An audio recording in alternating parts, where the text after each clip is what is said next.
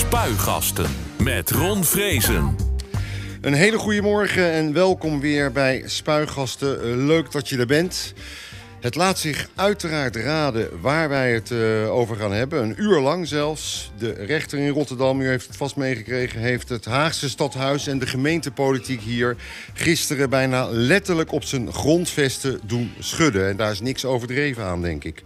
Vrijspraak voor de wethouders Richard de Mos en Rachid Gernaoui bijna vier jaar heeft boven hun hoofd gehangen dat ze uh, corrupt zouden zijn en het werd vrijspraak. Wat begon met veel machtsvertoon en invallen bij de Mos thuis en op het stadhuis ook invallen, eindigde met wat je gerust kunt zeggen een zeepert voor het Openbaar Ministerie.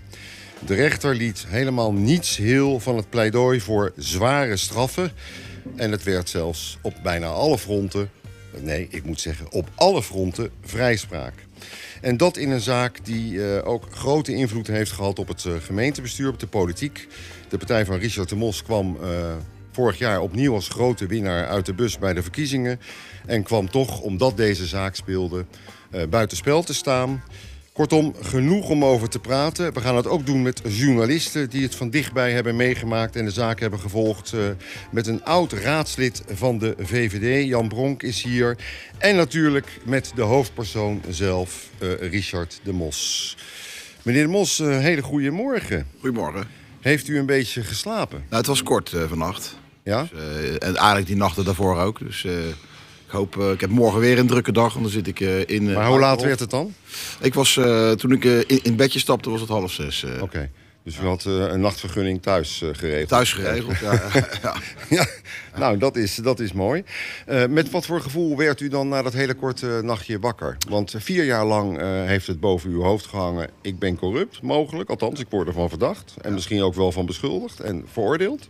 En nu ineens dit? Nou, dat heeft eigenlijk vier jaar lang niet boven me overgehangen. Oh. Ik heb vier jaar lang, uh, of drieënhalf jaar lang uh, gezegd dat ik uh, onschuldig ben. Ja, maar je moest maar afwachten of de rechter Zeker, dat met je maar het, het, het, start natuurlijk bij geloof in hetgeen wat... ik heb mezelf wel het recht in de spiegel kunnen aankijken. En die strijd heb ik ook altijd gevoerd. Maar werd u toch wakker met een ander gevoel vanmorgen? Opgelucht natuurlijk, een opgelucht gevoel. Ja. Dat we natuurlijk gelijk hebben en gelijk krijgen, dat, of, dat zijn twee verschillende dingen. Ja. Dat snap ik. Want de emoties gisteren, dat hebben we allemaal kunnen zien op televisie, ook gisteravond, die waren uh, nogal heftig. Hè? We hebben uw collega nog eventjes teruggehaald voor de uitzending nu. Rachid Gernaoui, die reageerde op zijn zacht gezegd heel emotioneel. Ja, dat er helemaal niks klopt van het verhaal van het Openbaar Ministerie. Dat ik, dat mijn partijgenoten, dat Richard, dat niemand iets verkeerd heeft gedaan. Ja, dat doet wel goed. Maar de afgelopen 3,5 jaar, die krijg je niet terug. Die waren verschrikkelijk. Maar ik ben blij dat het recht heeft gevierd vandaag. En wat nu? Ja, dat weet ik nog niet. Ik ben in ieder geval blij dat deze nacht ja, voorbij is. Wat is die dan nu ook echt voorbij? Ja, dit, dit, dit zegt alles. Ik heb hier een hele dikke uitspraak van de, de rechtbank. Drie onafhankelijke rechters. Die hebben drie weken alles uh, besproken. Die hebben alle dossiers gelezen. Ja, en die zeggen van, ja, meneer Genawi, je hebt helemaal niets... en ook helemaal niets verkeerd gedaan. Ja, wat doet het u als u dit hoort? Ja, ja het is uh, terechte emotie, denk ik, ook uh, bij uh, Rashid. En ieder beleeft dat natuurlijk op, op zijn of haar eigen manier. En nou ja, Rashid heeft nu een moment van e emotie gepakt. En dat denk ik ook wel terecht. Ja, want wat ik graag wil weten is wat de impact is. U zegt, ja, ik heb altijd geweten dat ik onschuldig was. Maar toch dacht de buitenwacht, iedereen die u zag op straat, in de tram... waar u mee reist in Den Haag, begrijp ik. Zeker. dat is die man die verdacht is van corruptie. Ja, en toch ook heel veel mensen die hebben gedacht, ik sta achter je. We zijn niet voor niks de grootste partij geworden. Dus ik heb altijd gekeken, dat is ook denk ik wel de kracht om overeind te blijven in zo'n moeilijke periode, naar het positieve. Er zijn genoeg, altijd, ik heb altijd genoeg positieve aanknopingspunten gevonden om verder te gaan. En natuurlijk heb ik soms thuis in mijn bed gelegen van ja, waar doe ik het allemaal voor? En overwogen om te stoppen. Die momenten heb ik echt wel gehad. Maar ja, je gaat niet weg met een nederlaag, dat past niet bij mij. Dus ik, uh, ik wil een winnaar zijn. En ik heb ook een verantwoording naar 30.000 uh, kiezers. Ja, die heb ik ook niet in de steek willen laten, want die hadden wel vertrouwen in mij. Maar wat heeft het privé met u gedaan dat, dat er zo'n beschuldiging boven je hoofd hangt? Veel, maar ik wilde ook niet te veel. Kijk, ik, ik, ik zie bijvoorbeeld mijn dochter heel, heel, heel zelden. Uh, mijn ex-vriendin die, die, die, heeft deze zaak ook aangegrepen om te zeggen... mijn dochter gaat niet met een crimineel om. Dus dat zijn heftige dingen. dus okay. dus dat, dat is een enorme impact ja, op je privéleven. Ik, ik woonde samen, ik woon nu niet meer samen. dus u bent, er ook dingen door, u bent er ook dingen door kwijtgeraakt. Wat Rachid ook aangeeft. Ja. Die 3,5 jaar krijg je niet meer terug. Nee, die krijg je niet terug. Maar het is niet zo dat ik alleen maar negatieve dingen. Ik heb in de 3,5 jaar ook heel veel lieve mensen ontmoet. En die achter me hebben gestaan. En familieleden die me gesteund hebben. Partijgenoten die, die liefde en warmte gegeven hebben. Dus er is ook heel veel positiviteit gebeurd. En ik moet altijd kijken naar het positieve. is veel leuker dan naar het negatieve. En ik heb nu nog steeds met de, de ex waar, die dan nu weg is. Dat is nog steeds een hele goede uh, vriendin. En die was gisteren ook aanwezig in, in ja. de rechtbank. En hoe dochter? Mag die nu weer wel met u omgaan? Nou, daar gaan we aan, uh, aan werken. En, uh, ik heb de twee weken geleden nog uh, gezien. En dan snijdt het wel. Dus is negen jaar en dan snijdt het wel uh, door je ziel. Als ze dan vragen waarom is papa geen uh, burgemeester meer. Nou, dat is papa nooit geweest. Maar dat is dan ja. voor een kind wat lastig ja. uit te leggen natuurlijk. Ja. het vertrouwen in de rechtsstaat, daar wilde ik ook even heel kort, voordat we er verder op ingaan. Is dat nou door deze uitspraak gisteren bij u weer groter geworden? Of blijft toch hangen dat het Openbaar Ministerie heeft er een enorme puinhoop van gemaakt en daar heb ik vreselijk onder geleden? Nou ja, dat, het, uh, kijk, dat de rechter een hele mooie uitspraak heeft gedaan. En dat voor mij dat het vertrouwen in de rechtsstraat heeft doen groeien. Dat mogen duidelijk zijn. Uh, en ik wil ook niet jij bakken naar het OM. Ik ga ervan uit.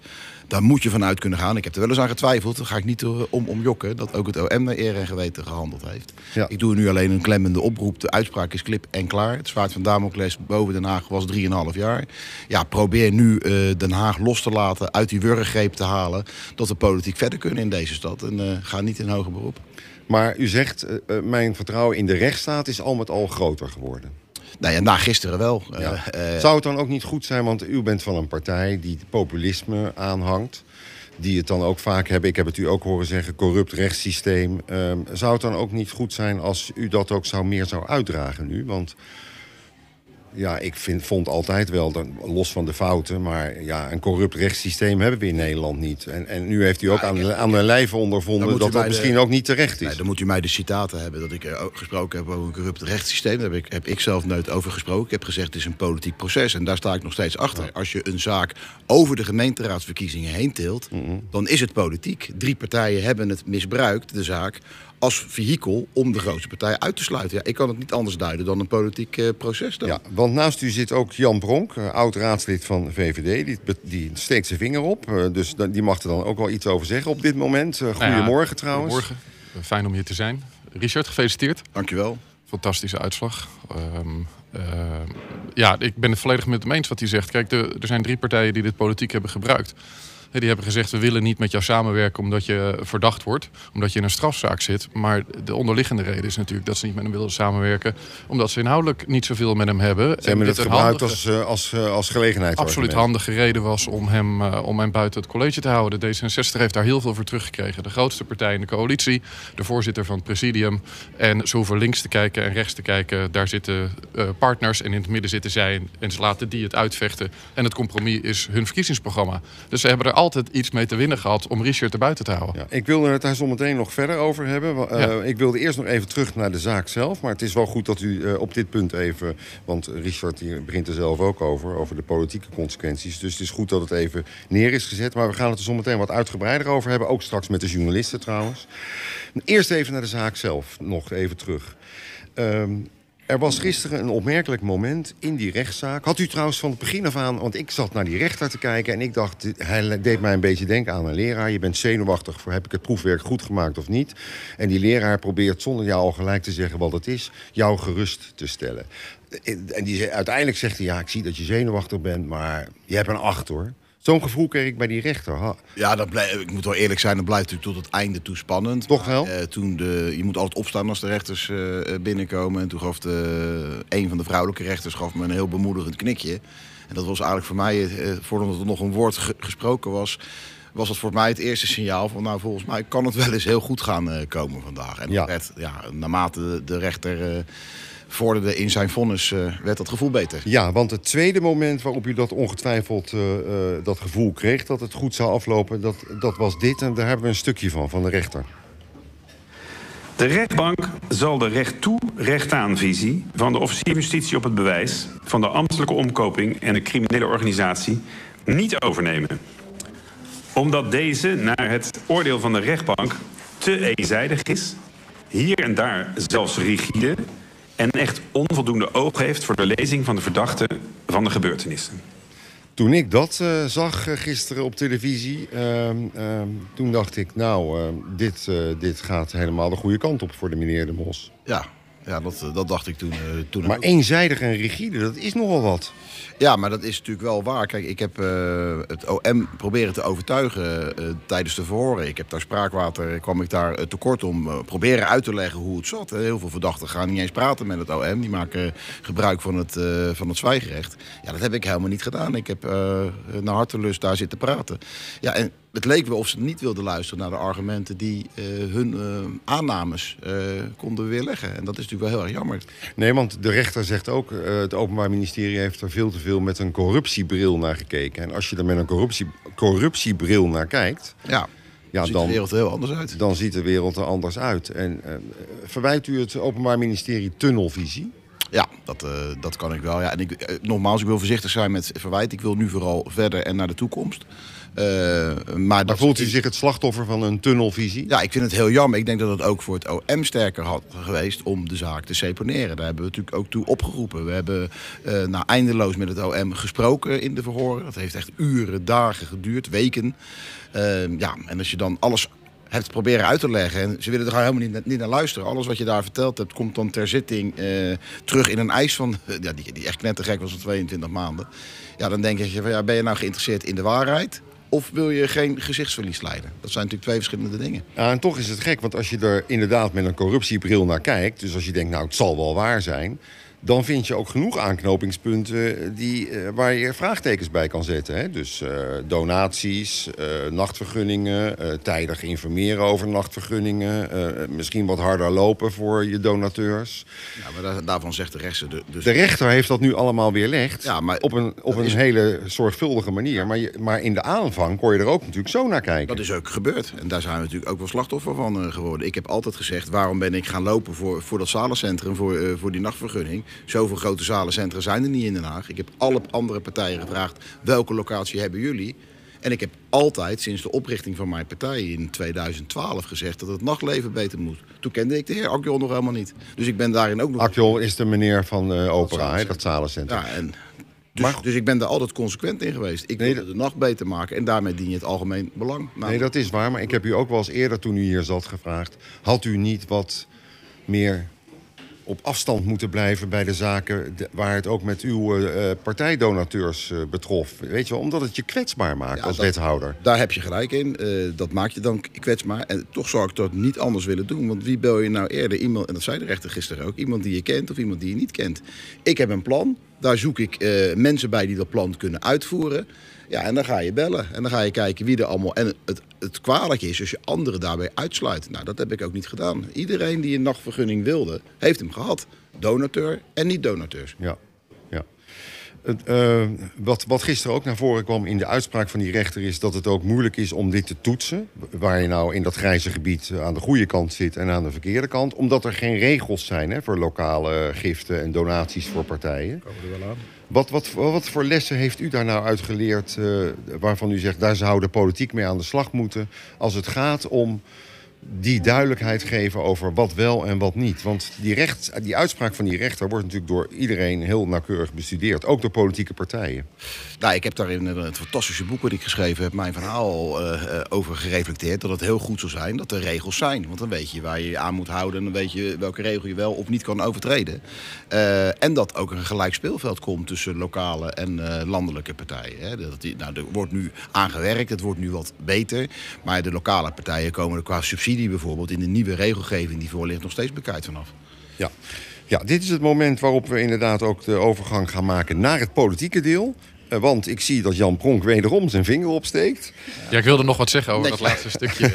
ja, ik ben zelf Nou. ook leraar geweest, net als Richard. Dus als je het hebt over eh, dat je een klasgevoel had gisteren bij de rechtbank, dan eh, begrijp ik dat. Ja. Heel goed. Ehm, volgens mij is het zelfs zo dat eh, de rechter gisteren heeft gezegd dat donaties van leden en van ondernemers de hart van, het hart van de lokale democratie vormen.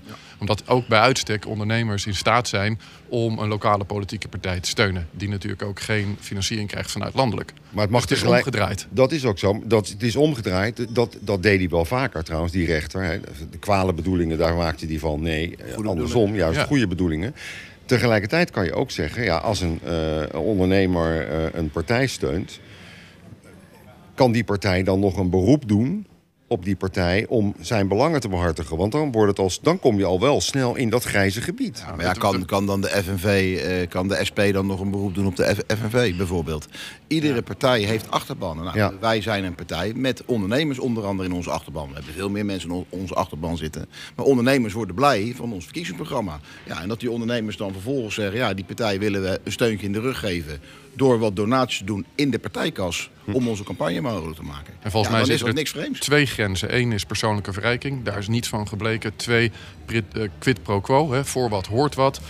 Eén iemand specifiek bevoordelen. Daarvan heeft de rechter gezegd, het is niet aan de hand. Het is in het algemeen belang geweest dat iedereen kon meedoen. En daarmee zijn die twee van tafel. En dat is de grens. En, ja, en de dingen die hij in het algemeen heeft gezegd over eh, de, de betrokkenheid van donateurs bij politiek, die zijn heel waardevol natuurlijk ook voor het maken van regels en precies weten waar de grenzen liggen. Goed, dan nu het politieke deel voor wat betreft hoe nu verder. U bent buiten het college gehouden. Jan Pronk zegt eh, ook omdat ze eigenlijk gewoon het wel makkelijk vonden, want op die manier hoefden ze inhoudelijk de strijd niet met u aan over de verschillende, de verschillende standpunten.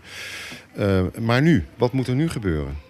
Nou ja, als je een partij op oneigenlijke gronden uitsluit en een jaar later blijkt eh, dat, die, eh, eh, dat, de, dat de rechter daar gehakt van maakt, dan is het niet meer dan normaal dat je met Hart van Den Haag gaat praten. Daarom hebben we ook een debat aangevraagd. En eigenlijk zal het zo moeten zijn. Ik zeg, voor mij hoeft er geen partij weg, maar Hart van Den Haag moet er zeker bij. Wij zijn de grootste partij. Alle partijen hebben de mond vol over het herstel van vertrouwen in de politiek. Om de kiezer erbij te betrekken. Nou, de Hart van Den Haag heeft de grootste partij, de, de meeste kiezers. Ja, als je die dan uitsluit op oneigenlijke gronden, is dat niet goed. Dus ik zeg, en ik roep de partijen ook hierbij nogmaals op... om met ons te gaan praten, het coalitieakkoord open te breken. En Heeft u al signalen gehoord dat, het, dat, er eventueel Ik daar heb wel zeker- bereidheid voor Ik heb is? zeker positieve signalen uit het stadhuis gehoord. Maar ik heb nog geen eh, persoonlijke gesprekken gehad. Dat ga ik de komende week tot aan 11 mei. Dan is het debat in de gemeenteraad. Ga ik dat doen. Ik ga diverse mensen uitnodigen voor gesprekken. En ik hoop dat eh, de, de deur open staat, de koffie klaar. En dat we onze stad gaan eh, dienen. En dat we het politiek in, eh, de, politiek in Den Haag. Ja, dat we daar, daar weer mee bezig gaan. En dat we de democratie gaan herstellen. En dat wij er gewoon volwaardig mee mogen doen. Maar het lastige voor u is natuurlijk toch dat nog steeds boven de markt hangt... dat het Openbaar Ministerie hoger beroep kan aantekenen. En dan ben je weer verder. En dan ben je nog steeds weer opnieuw... eh, maar afhankelijk van in dit geval een uitspraak van het gerechtshof. Mooi is dat we dat voor eh, 11 mei eh, eh, weten. Eh, daarom heb ik het OM ook een klemmende oproep gedaan om niet in hoger beroep te gaan. Want dan blijft dat zwaard van Damocles boven de stad Den Haag hangen. Dat is slecht voor de democratie. Eh, en daarom eh, eh, roep ik het OM op om eh, eh, dat niet te doen. Nou, het zijn 14 dagen, daar hebben ze nog 13 dagen voor om in hoger beroep te gaan. En nogmaals, ik hoop dat ze dat niet doen. En dat de kaarten opnieuw worden geschud. En nogmaals, geen ene partij hoeft uit het college, maar wij moeten er wel bij. Ja, Ik denk dat de, de, de bal eh, bij de VVD eh, vooral ligt. Hè. Die wilde eigenlijk al bij de vorige onderhandelingen wel kijken of ze met u eruit zouden kunnen komen. U heeft zelfs toen aangeboden, zolang het speelt eh, ben ik dan geen wethouder. Eh, en dat was eigenlijk voor de andere partijen uiteindelijk ook niet genoeg. Jan Pronk, nog even, even naar u. U bent eigenlijk in de raad gekomen vorige keer. U heeft het allemaal meegemaakt toen deze zaak ging spelen.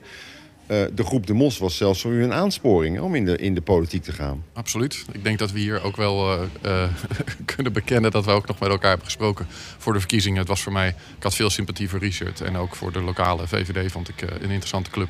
En eh, ja, dan maak je een, een keuze. Maar wij hebben altijd onwijs goed samengewerkt. En vindt u dat eh, eh, eh, uw partij, want u bent, bent u nog steeds lid van de VVD? Nee. Of, oh, dat, dat, oh, niet meer. Nee, Nee. nee ik- ben columnist voor Den Haag Centraal. Ja, maar dan kan je toch wel lid zijn van een partij? Zeker, maar ik eh, ben lid geworden van de VVD voor de vorige lokale verkiezingen.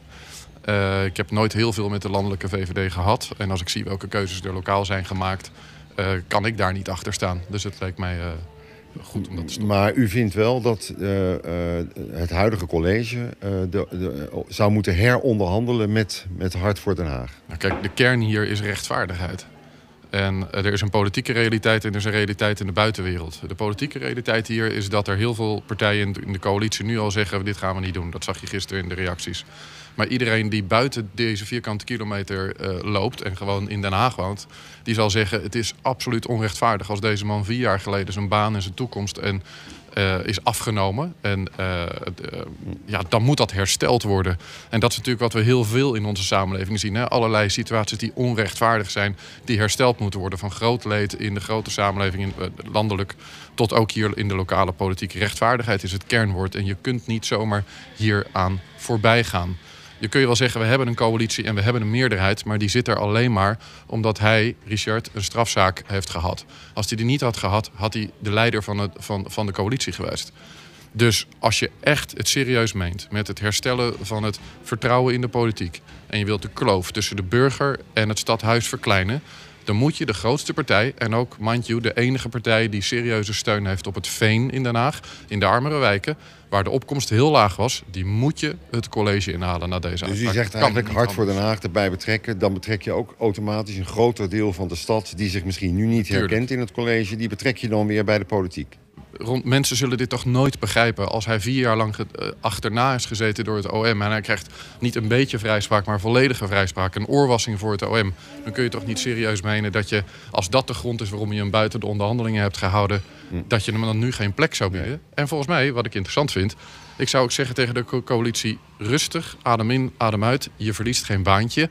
Je mag gewoon blijven zitten. Zijn uitgestoken hand is: laat me erbij komen. He, hoeft nou, maar, maar, ik neem aan dat u wel uh, wat eist. U gaat niet gewoon uh, meewerken aan het huidige collegeprogramma. dus daar zal dan wel on over onderhandeld moeten worden, dan toch? geen uh, probleem. Daar kunnen we de tijd voor nemen. Daar kunnen we bijvoorbeeld het, het komende zomerreces voor nemen. Het hoeft niet. Rome is ook niet op een dag gebouwd. Maar dan hebben we nog steeds een behoorlijke periode om aan de knoppen te zitten. En dat de D66 nu zeggen van ja, je zit al in het stadsbestuur. Nou, ik wil best stuivertje wisselen. Dan gaan zij de oppositie in en dan, gaan, en dan neem ik die plek over. Dus dat is natuurlijk heel raar. Iedereen wil in een college zitten. Maar dat, moeten de, deze, dat moet de Partij van de Arbeid en GroenLinks dan ook een goed idee vinden. Ja, want anders uh, ben je de meerderheid alsnog kwijt. Wat Jan zegt is, is, is helemaal waar. Als je dat niet doet, dan moet niemand meer praten over polarisatie. Dat ze dat een heel groot probleem vinden. Want dan gaan we oppositie voeren met uh, geslepen messen. Want dan is ons gewoon groot onrecht aangedaan. Ja. Nee, want het probleem, althans het politieke probleem... is dat er pas over drie jaar weer verkiezingen zijn. Dus je hebt het niet over een paar maanden. Je hebt het over een vrij lange periode. Hè? Maar hier zit natuurlijk ook een, een, een, vind ik echt een rol voor onze burgemeester. Uh, kijk, als de coalitie. Oh, die ziet de burgemeester zelf. Niet. Ja, dat zei hij gisteren. Zei Want, in ieder geval voor de schermen. We hebben een, fragment, we hebben een fragmentje ja. uh, waarin de burgemeester iets zegt. Maar dat is niet uh, dat hij vindt dat Hart voor Den Haag erbij moet. Ook niet dat hij dat niet vindt, maar hij houdt zich heel erg op de vlakte. Luister maar. Ja, burgemeester van Zanen. Um, ja, de uitspraak is klip en klaar, zoals u zelf ook zei in een statement. Vrijspraak op alle punten. Zo is dat. Ik ben blij dat uh, die helderheid er is. Duidelijke uitspraak. Ik ben blij ook in het bijzonder voor, uh, voor Richard en voor Rachid.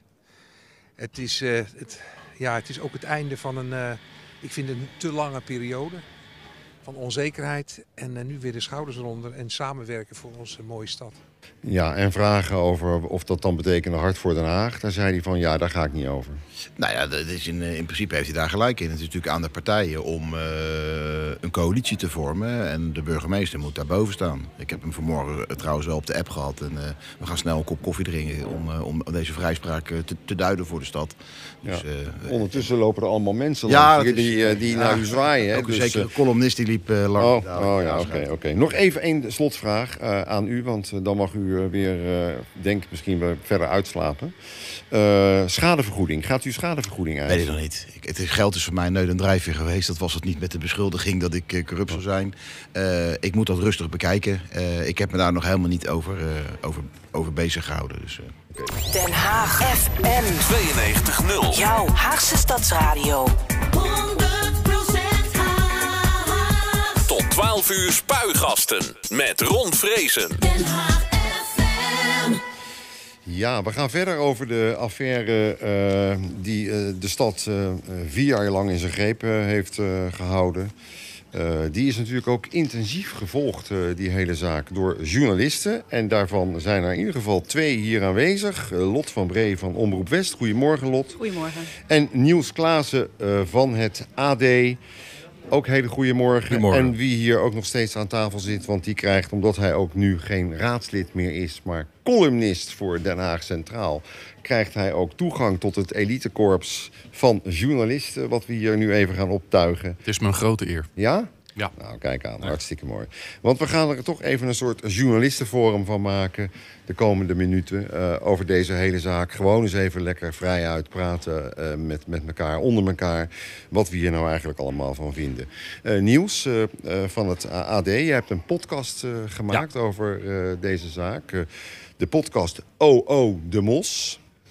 Wat heeft jou nou het meest gefascineerd in deze hele zaak? Jeetje, wat een vraag, Ron. Ja, man. Ja, daar kun je al, heel veel afleveringen over maken over deze zaak. Dat fascinerende vond ik uh, aan het uh, politieke verhaal van Richard de Mos... ook voordat het een corruptieaffaire was... dat hij eigenlijk uh, een enkeltje op het politieke kerkhof kreeg... bij wijze van spreken richting politieke kerkhof... toen hij bij de PVV werd ja, weggestuurd, op een lage plek werd gezet. En als verslaggevers zagen wij vervolgens in de stad Den Haag... dat hij op uh, bijzondere wijze bouwde aan zijn, uh, aan zijn partij. En echt eerst best wel werd weggelachen en gekleineerd door anderen. Uh, maar ondertussen gewoon zijn werk goed deed als volksvertegenwoordiger raadslid en zo opkwam. En ja, als dat dan ineens een corruptiezaak wordt, ja, dan is het natuurlijk een uh, no-brainer. Ja, en, deed hij, want jij, hebt het ook, uh, jij was raadsverslaggever ook, hè? nog ja. steeds trouwens, Lot. Uh, maar deed Richard de Mos zijn werk ook goed? want hij kwam inderdaad van die PVV en toen in Den Haag. Maar vond jij hem ook een opmerkelijk raadslid? Nou, opmerkelijk was hij zeker. En uiteindelijk heeft hij natuurlijk ook... Hij is steeds verder gegroeid. Dus in die zin kan je sowieso zeggen dat hij zijn werk goed deed. Uh, want hij kreeg ook steeds meer aanhang. Hij zat eerst met, uh, in zijn eentje uh, als groep de Mos in de raad. Hè, omdat hij zich afgesplitst had van de PVV. Vervolgens waren de verkiezingen. Dacht hij zelf vijf zetels te halen. Het werden er drie. Hij was teleurgesteld. Ik dacht nog van nou, dat is toch nog best wel knap voor ja, een partij. Dat was in 2014 hè? Ja, en daarna ja. is hij alleen maar verder gegroeid. Dus ja, in die zin was het... hij deed, deed het anders. Hij doet het anders. Ehm, hij zegt zelf, ja, het, het is echt wel een een, jongen van de straat. Je ziet het inderdaad als hier mensen langslopen dat hij nu ook al duimpjes krijgt. Ja, hij staat dicht bij, bij mensen. En dat spreekt uh, een deel in ieder geval van, uh, van de Hagenezen, Hagenaren, Scheveningers en Loosduiners aan. Ja, en dat sprak jou ook aan, hè, Jan, uh, Jan Bronk. Nu columnist voor Den Haag Centraal. Maar ik zei net al toen je samen met Richard de Mos hier zat... Een van de redenen voor jou in de om in de politiek te gaan was de groep De Mos. Ja, zeker. De opkomst van Richard had tot gevolg, denk ik, dat we een stadsbestuur konden maken zonder de Partij van de Arbeid. En dat was voor mij een heel belangrijke reden ja? om de politiek in te gaan. Want je, jij behoort tot het rechtse geweten, hè? van de behoorde, moet ja, ik zeggen. Ik vind mezelf niet rechts of links, ik ben heel pragmatisch. Recht door zee. En, en, en, nee, nee zeker niet links, niet rechts. Nee, nee dit refereert uh, weer aan iets anders. Trouwens, ook veel respect voor mevrouw Verdonk, die het hier lokaal hartstikke goed doet. En die toch ook maar weer uh, zich inzet voor de stad. Maar wat vond jij het aantrekkelijke van de manier waarop Richard de Mos politiek bedreef? Nou, ik denk dat er altijd wel in de lokale politiek ruimte heeft gezeten tussen wat de VVD deed en wat er op de hoek uh, de PVV deed. En uh, ja, de PVV doet dat op een manier, of heeft dat gedaan op een manier die eigenlijk toetreding tot het college onmogelijk maakte. En Richard heeft op hele adequate wijze die ruimte ingevuld, waardoor we dus voor het eerst uh, met ook die stem die heel erg leeft in de stad een coalitie konden maken. En dat was wat mij betreft echt een hoogtepunt. Die, het eerste anderhalf jaar was fantastisch. Het was echt een heel evenwichtig college ja. van verschillende stromingen in de stad. Dat was het college wat gevormd werd na de verkiezingen in 2018. Hè, met, met Hart voor Den Haag uh, erin. Uh, en toen vrij snel daarna ging het eigenlijk mis. Ja. Kan je dat nog herinneren? Want je zat Als in de, de dag van gisteren. Ja, vertel, wat, wat gebeurde er bij jou? Nou ja, goed, dan gaan we terug naar de dag van de inval. Uh, en, en dat was natuurlijk een shock voor iedereen. Voor alle betrokkenen, voor, voor Richard en, en zijn partijgenoten het meest. Maar als je samenwerkt in een coalitie, dan stelt je dat ook voor een vraag van... ja, wat, wat moeten we nu gaan doen? En uh, op dat moment was vrij helder dat, uh, dat twee partners um, in de coalitie absoluut niet verder wilden. GroenLinks en D66. VVD heeft zich daar snel bij aangesloten. Als ik kijk vond, vond jij dat terecht? Wilde, uh... Nou, ik, daar heb ik natuurlijk ook heel veel over nagedacht. Ook omdat het mijn eigen politieke uh, inzet in Den Haag ontzettend heeft veranderd. Van wat hebben we daar nou fout gedaan? En als ik er achteraf op terugkijk, denk ik dat we ons veel te snel naar een beslissing hebben laten duwen. We zaten in een soort pressure cooker op dat moment. Uh, en ja, het, het, we zijn te snel meegegaan met het idee. Maar was er een alternatief? Ja, want eh, op het moment dat er een wethouder van zijn bed wordt gelicht op verdenking van corruptie, kan je niet de volgende dag eh, zeggen, nou met die wethouder gaan we vrolijk verder. Nee, 100% eens. Maar als je eh, iets meer tijd had genomen met elkaar en we ook iets minder op elkaar hadden gereageerd in de media, ik denk dat dat ook aan, aan, aan, aan alle betrokkenen in de coalitie hebben daar een beetje debet aan. Had je kunnen zeggen, het was geen verdenking op de partij, het was een verdenking op personen. Als de personen zich terugtrekken, kunnen ze die toch redelijk vervangen en kun je door. Nou werd er toen ook wel gezegd, van, want eh, in die fractie was, zat natuurlijk ook een verdachte. Nino Davituliani Ja. was op dat moment ook verdacht. Dat werd ook als argument gebruikt Zeker. van ja, het, het zijpelde ook door in de fractie. Maar als je dus tijd had genomen en met elkaar gewoon het gesprek had aangegaan, had je misschien kunnen zeggen: als de verdachten zich terugtrekken, is er dan geen basis om door te gaan. Achteraf zeg ik, ik zat er toen net een jaar, ik was nog heel groen, junior, en ik heb me daar te snel naar een beslissing laten duwen. Ja, gisteren hadden wij ook een gesprek ook met Pieter Grimwis, onder andere ook op Radio eh, West. Dat Eh, was het eh, toenmalige raadslid voor de ChristenUnie, hè, in, Ja. nu Kamerlid. Ja, klopt. Uitspraak van de uitspraak van Napels aan de Noordzee, hè, waar uiteindelijk ook een is documentaire hem, over Ja. gemaakt Ja. is. Maar hij zei, we zaten ook in een, in een dynamiek die ongekend was. Die dynamiek was namelijk dat er ook een, een de tractoren die kwamen Den Haag binnen. Nou goed, dat, dat, dat was al wat. Maar politiek gezien stond ook burgemeester Krikke. Op dat moment was zij aan het wankelen vanwege het OVV-rapport over de vonkenregen. Dus haar positie wankelde ook. Dat speelde ook mee. Dus er was een soort van verbijstering en een soort paniek op het stadhuis. Waardoor dat ook, eh, eh, waardoor die, die, zeg maar het, het laten vallen van de coalitie eh, een extra kracht kreeg. Ik denk dat wij in die week hebben meegemaakt wat je in een vier jaar raadsperiode helemaal niet eens meemaakt. Maar de koppeling tussen die twee, die heb ik zelf nooit zo ervaren. Ik heb nooit ervaren dat de dreigende val van Pauline Krikke eh, iets te maken hebben met de val van de coalitie. Omdat Richard anders geen waarnemend burgemeester kon worden. Ik kan zelf zeggen oprecht, is dat nooit enigszins ergens ter sprake geweest. Maar wat ik wel heb gezien, is politieke oppor- opportunisme om heigerig voor de camera te roepen dat de integriteit moest worden hersteld en daarmee proberen dat op jezelf te laten afstralen. Wij zijn de integere en nemen daarom deze harde Ja, beslissing. dat, dat zei Boudewijn Revens over, Revens overigens. Hè? Ja. Dat is de oud-VVD-wethouder, toen VVD-leider toen. Ja. Ja, toen en- en ik denk ook- loco-burgemeester. En, en- hij wa- was degene die het naar voren stapte.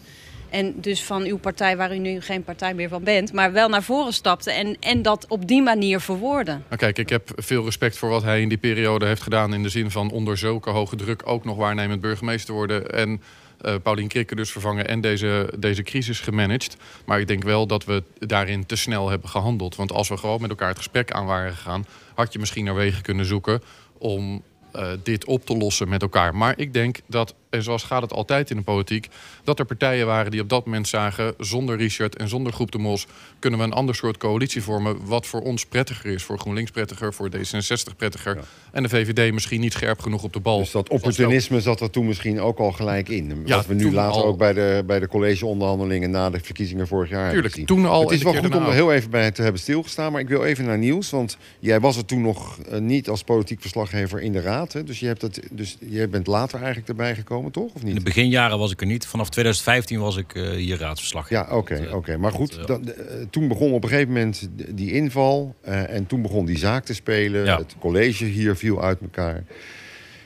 En toen ben jij eigenlijk die zaak ook gaan volgen, juridisch. Eh, Ja. En eh, je, je hebt de rechtszaak helemaal gevolgd. Ja. Wa- Wat vond je daarvan? Wat is je daarin opgevallen? Want eh, heel veel mensen, ha- Richard de Mos zelfs al helemaal, had het idee, ja, hebben ze wel een zaak? Heb jij dat ook steeds gedacht? Ja. Hebben ze wel... Want de smoking gun, eh, voor wat hoort wat, eh, zelfverrijking, er was allemaal geen sprake van. Nee. Eh, totdat je dan meer weet van het dossier. En ook die, die, die hele basis waar zij eigenlijk het, de zaak op bouwden. Namelijk de appjes, de belletjes, de gesprekken. En dan die verstrengeling hè, tussen aan de ene kant de ondernemers en aan de andere kant de politici. Ja, toen dacht ik wel, oké, als ze dit hebben en de rechter gaat hierin mee, namelijk de redenering, jullie zitten te dicht op elkaar, jullie helpen elkaar, hè, voor wat hoort wat, dan dacht ik, nou, dan zal het wel tot een veroordeling kunnen leiden. Maar dan moet je dus wel die rechter daarvan overtuigen. Nou, gisteren bleek dat hij daar totaal niet van overtuigd was. Maar ik geloofde wel dat ze op dat, daarop vertrouwden. En ik zag het ook wel gebeuren dat het tot een veroordeling zou leiden. Ja. Ja, dat, dat wel. En heb je, heb je, daar ook, heb je dat ook, eh, ook kunnen onderbouwen in je podcast, of, of niet? Nou ja, in die voorverhalen die we volgens mij allemaal hebben gemaakt, zie je de hele tijd ja, de, voor's en de tegens. Eh, ja, we zijn geen rechter, we kennen niet het hele dossier en eh, gelukkig ons werk niet. Dus je hebt gewoon contra, indicaties en contra-indicaties. En ik dacht, het OM horende, dat ze wel heel veel vertrouwen hadden in die, in die zware verstrengeling en die zware, ja, voor wat hoort wat, die strafbare vriendjespolitiek. Nou, ja, zeker weet je dat niet, maar die, die inschatting, die snapte ik wel. Nee. Nou, zelfs gisteren speelde het eigenlijk ook nog. Want je hoorde de rechter op een gegeven moment ook zeggen... ja, uh, oh, zou het dan toch? Hè? Dus ja, hij bouwde eerst... Uh, uh, brak hij het Openbaar Ministerie tot, tot, tot onder de enkels af, zo ongeveer. En daarna kwam ineens, of zou het dan toch? Dus je, je zag ook dat de rechter heel erg met die, met, die, met die manier waarop je daarnaar kan kijken worstelde. Ja, dat was ook, dat was ook eigenlijk wel mijn, uh, mijn gevoel bij die zittingsdagen. Want ik heb ze allemaal gevolgd. En de ene dag dacht je echt wel van... ja, nou zijn ze er toch wel gloeiend bij. En de andere dag dacht je, ja, nou, maar als het nou hier om moet gaan, pre precies zoals de rechter het ook verwoordde met die gefronste wenkbrauwen, ja, dan heb je misschien wel zit er een zweem tegen. Maar goed, de rechter zei: als je het uitzoomt, dan blijft het bij meer een soort onderbuikgevoel en uh, niet een, die, dat causale verband tussen uh, het geven van donaties en er iets voor teruggeven. Kijk, feitelijk, want dat zei Jan ook al, uh, heeft hij eigenlijk gezegd, die partijdonaties die zijn juist, juist goed. Hè? Dat is juist goed als politieke partijen, ook startende politieke partijen, als die over geld kunnen beschikken dat heeft een maatschappelijke functie. Ja, tegelijkertijd heeft hij ook wel huiswerk, echt wel een pak huiswerk meegegeven. Niet alleen voor de Moos of het stadhuis hier, maar ook landelijk. Om hoe om te gaan Precies. met dit soort kwesties. Hij zegt eigenlijk, jongens, jullie komen naar mij met een zwakke zaak. Ik vind het niet genoeg bewijs. Stuurt ze eigenlijk uh, terug hè, met een onvoldoende. Maar hij zegt wel, dit, dit soort kwesties is aan de raad. Vriendjespolitiek moet in de raad worden blootgelegd. Dat is hier ook gebeurd met een motie, geprobeerd hè, door de SP in 2017. Van u, uh, u werkt samen met die en die ondernemer. Dat vindt de rechter, dat is ook aan jullie. Jullie moeten dat onderling uitvechten. Of wetten maken die anders, uh, die anders ja. voorschrijven. Nou is het dus in de Haagse gemeenteraad ook zo dat de raad met elkaar heeft afgesproken dat er regels zijn. Ik geloof boven de 500 euro uh, is nu, ja. uh, hebben ze afgesproken met elkaar dat ze dat moeten melden. Moeten melden, of nou ja, openbaar moeten maken. Alleen het probleem daarbij, het is heel vrijblijvend. Er zit niks. En, ik bedoel, sommige partijen die komen dan met een heel jaarverslag en, en de hele begroting zetten ze dan op het informatiesysteem, dus op de website. De anderen komen met één regeltje. Ik heb niet meer giften aangenomen dan 500 euro groetjes. Ik bedoel, er zit, geen, er, er zit verder geen, uh, geen druk en geen sanctie achter. Het moet wel echt wettelijk vastgelegd worden. Wil daar enige invloed uh, Maar daar gaat het toch ook al jaren over. Laten we eerlijk zijn, zelfs voor de, voordat dit een corruptiezaak werd, ging het hier al over donatie openbaar of niet, een giftenregister of niet. Dus dat wordt de hele tijd wordt daar ja, over gediscussieerd en wel of niet aan voldaan. En omdat het ontbreekt aan een, aan een duidelijke Ik kan lijn. het voor dit jaar niet vinden. Ik heb het toevallig even opgezocht. Ik denk, ga toch eens kijken of die partijen dat doen. Nou, ik kan het, heb het niet, weer niet terug kunnen vinden. Dus Helemaal mij, niet. Dus nee. er wordt niks gemeld. Nou ja, dat is wel een paar jaar gedaan. Maar, maar goed, de, de, ik, ik weet niet hoe het er nu mee staat.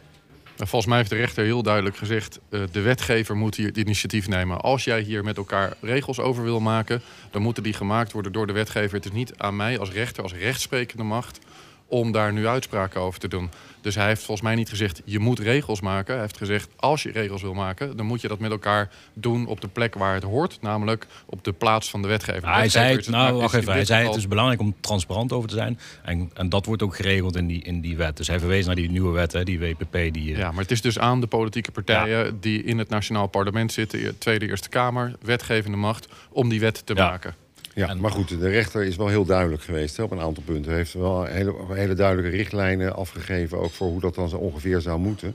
Want het, het ging verder, dat hij de, wat hij deed, dan alleen maar... ik heb geen bewijs kunnen vinden, dus uh, vrijspraak. Hij heeft eigenlijk gewoon gezegd, het is niet gebeurd.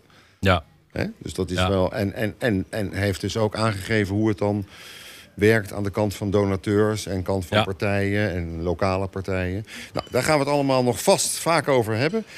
Ik wil met jullie ook nog even tot slot de laatste paar minuten naar de politieke consequenties. Uh, de Mos zegt uh, maak plaats, uh, of niet maak plaats, maar maak ruimte zodat ik erbij kan. Wat vinden jullie? zou dat moeten gebeuren? en is dat kansrijk?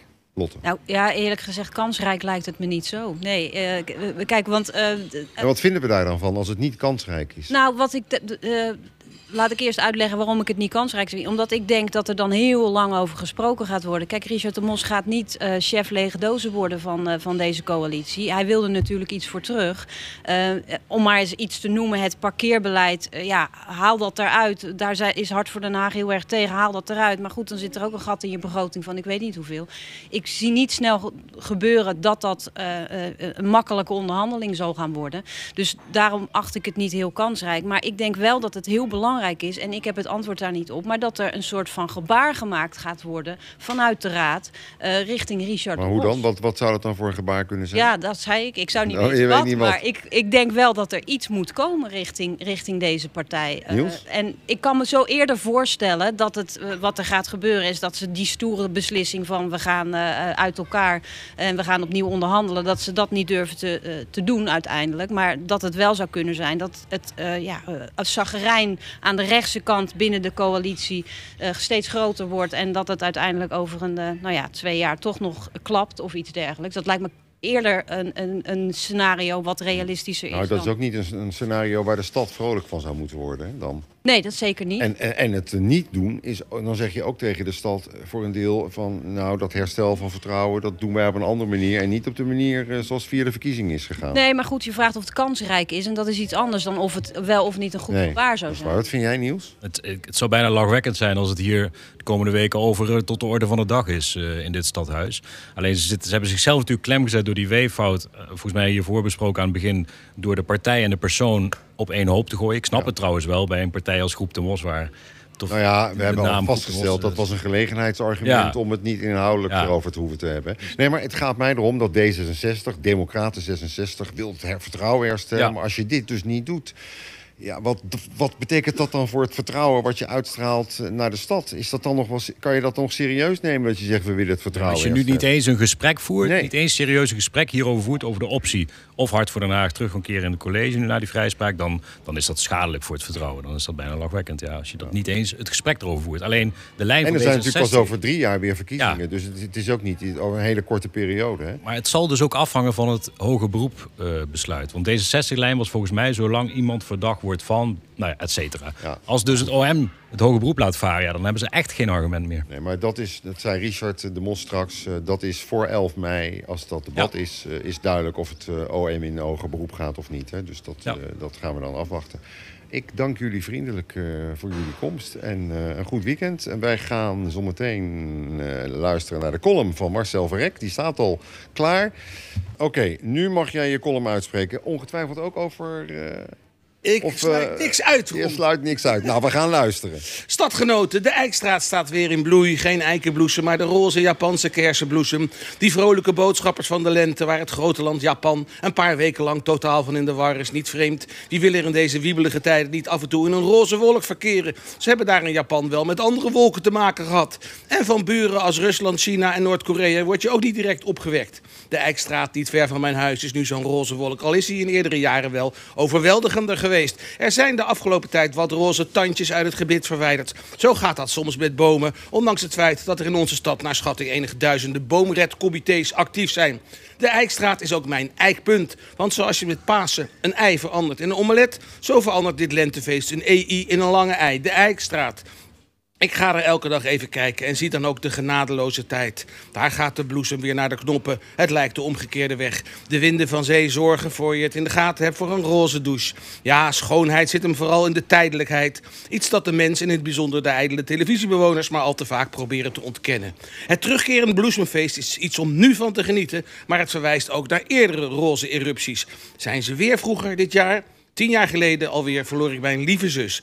Het was een guur voorjaar, de bloesems lieten op zich wachten. Maar toen wij op die meidag afscheid van haar namen, bloeide ze troostend. Dus wacht niet langer, Hagenaars en Hagenezen. Geniet van die glimlach van de natuur, want er is genoeg grimmigheid en ellende om ons heen. Neem die arme, arme, arme, arme mensen in de Vogelwijk. Die hebben betaald parkeren gekregen. Dus dat tikt aan met die wagenparkjes. Gelukkig konden ze in de Haagse media uithuilen. Als ze een oprijlaan of garage hebben, moeten ze hun wagen voortaan daarop stallen. Bij parkeren op de openbare weg wordt het niet malse tarief voor de tweede auto gehanteerd. Kan je nagaan hoe de kosten oplopen nu ook de rest van hun autovloot niet meer gratis op de Vogelwijklanen geparkeerd kan worden. Dan kan je misschien wel een Japanse kers of misschien wel 17 Japanse kersenbomen in je tuin hebben. Dan is er geen troost meer. Dan win je bitter. Ik heb nog even overwogen om een actie te beginnen, maar ik kwam niet helemaal lekker uit de bijbehorende leus. Geef geld ten behoeve van parkeerondersteuning voor getroffen Vogelwijkbewoners. Op een of andere manier had ik niet het idee dat ik daar veel geld mee binnen zou halen. Nu rest ons niets dan machteloos toe te zien totdat de Vogelwijk definitief een vogelaarwijk is geworden. Die kant gaat het met de Zeehelderkwartier natuurlijk ook op. Door eindeloze stadsverbouwingen is deze voorheen zo levendige buurt zo goed als afgesloten van de Haagse buitenwereld. Zullen daar binnenkort voedseldroppings moeten plaatsvinden? Dat doen we dan zogenaamd om de bevrijding te herdenken. Al lijkt de bevrijding van het Zeehelderkwartier nog even op zich te laten wachten. Maar uiteindelijk, dat is de les van de roze bloei. Uiteindelijk gaat alles altijd weer voorbij en komt er iets nieuws. Zo zal er ooit zelfs nieuw natuursteen rond het stadhuis komen te liggen. Want wat het ook mag kosten, kan even duren, want er is ook extra geld nodig voor het lafhartige bedrijfsproject in Moerwijk, waarvoor een hartverwarmende en unieke plek als de samenscholing moest wijken. Want ja, niet ons soort mensen, niet ons soort economie met een heerlijk, zeer goedkoop veganistisch restaurant en een weggeefwinkel. Alles gaat voorbij. Maar kijk toch nog maar even naar de Japanse kers. Die bloeit als notenvoren. Niet alleen in de Eikstraat, maar ook bijvoorbeeld in de Tomatenstraat voor de deur van Richard de Mos. Gisteren is komen vast te staan dat hij daar voorlopig van kan blijven genieten. Ik zat gekluisterd aan de buis. Ook al was ik geen verdachte, het was toch zenuwslopend. Het precieze en heldere verhaal van de rechter maakte indruk. Dat Richard en de zijnde worden vrijgesproken voelde na dit exposé logisch en terecht. Richard, van harte gefeliciteerd. En ik vind ook dat wij onszelf mogen feliciteren met dit trefzekere vertoon van excellente rechtspraak. En het is geen ironie. Richard, ga, vergezeld van het voortschrijdend inzicht dat deze rollercoaster ook heeft opgeleverd. Voort met jouw goede bedoelingen voor de stad. Maar geniet eerst maar van die roze wolk. De natuur heeft jouw straat al versierd. Hou je haags, geniet van het goede en tot snel. Nou, en Richard uh, zit nog niet in de tram naar huis, dus die heeft alles uh, ook kunnen horen. Dit was Spuigasten voor vandaag. Uh, helemaal gewijd aan de vrijspraak van de Richard de Mos en de medeverdachte. dit is een zaak die natuurlijk nog heel lang blijft doorspelen... en waar we dus ook nog heel vaak in Spuigasten op terug gaan komen. Maar voor nu wens ik iedereen een heel goed weekend. Tot volgende keer.